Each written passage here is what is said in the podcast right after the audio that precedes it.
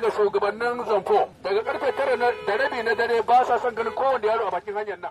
Duk da ɗaukar matakin yajin aiki na wuni ɗaya da kasuwar canjin ta yi don barranta da hannu a tashin farashi, hakan bai hana ƙarin matakai masu tsauri kan 'yan canjin ba. Alhaji Sani Imam dan masanin dogon daji da ke cikin waɗanda aka soke musu lasisi ya ce ya cika ƙa'idojin da suka dace, amma bai tsira daga dirar mikiyar babban bankin ba. List ɗin da aka fitar na wajen mutum dubu huɗu da ɗari ɗaya da saba'in da uku wanda aka ce an soke lasin don su. To yanzu haka ne a iyakar gani na da na akwai kusan mutum fiye da arba'in ma waɗanda yake an maimaita sunansu. Duk wanda ya duba wannan list da aka turo zai ga wannan kuskure da na yi magana.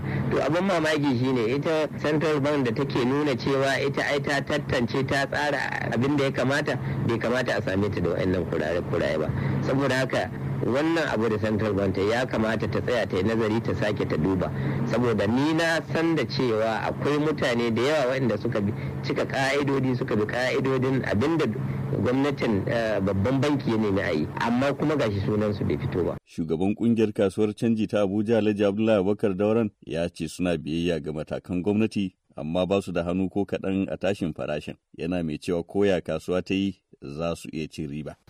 kaya ka tuna yanzu da ina da naira ta miliyan goma sha biyar. Da in ni zo kasuwan nan ta canji ni ganin na kai na samu wuri na wuce tsara. Ina da iya samun dala dubu arba'in. Yau dubu goma kawai zan iya sayi.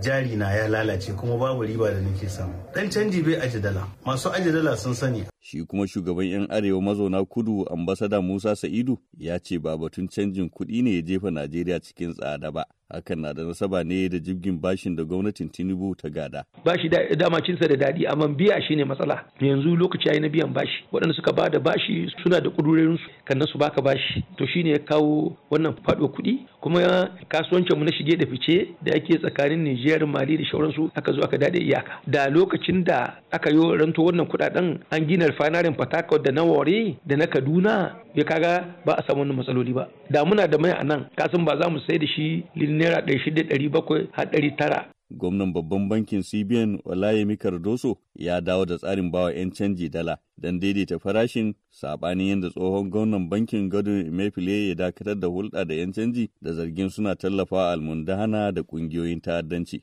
Inflationary pressures are expected to decline in 2024 due to the CBN's inflation targeting policy, which aims to rein in inflation to 21.4%. Cardoso ya alwashin ɗaukar matakan rage tashin farashi da yanzu yake fiye da kashi 29 cikin 100 a Najeriya zuwa kashi 21.4. Nasiru da Maili kayan murar Amurka daga Abuja, Najeriya.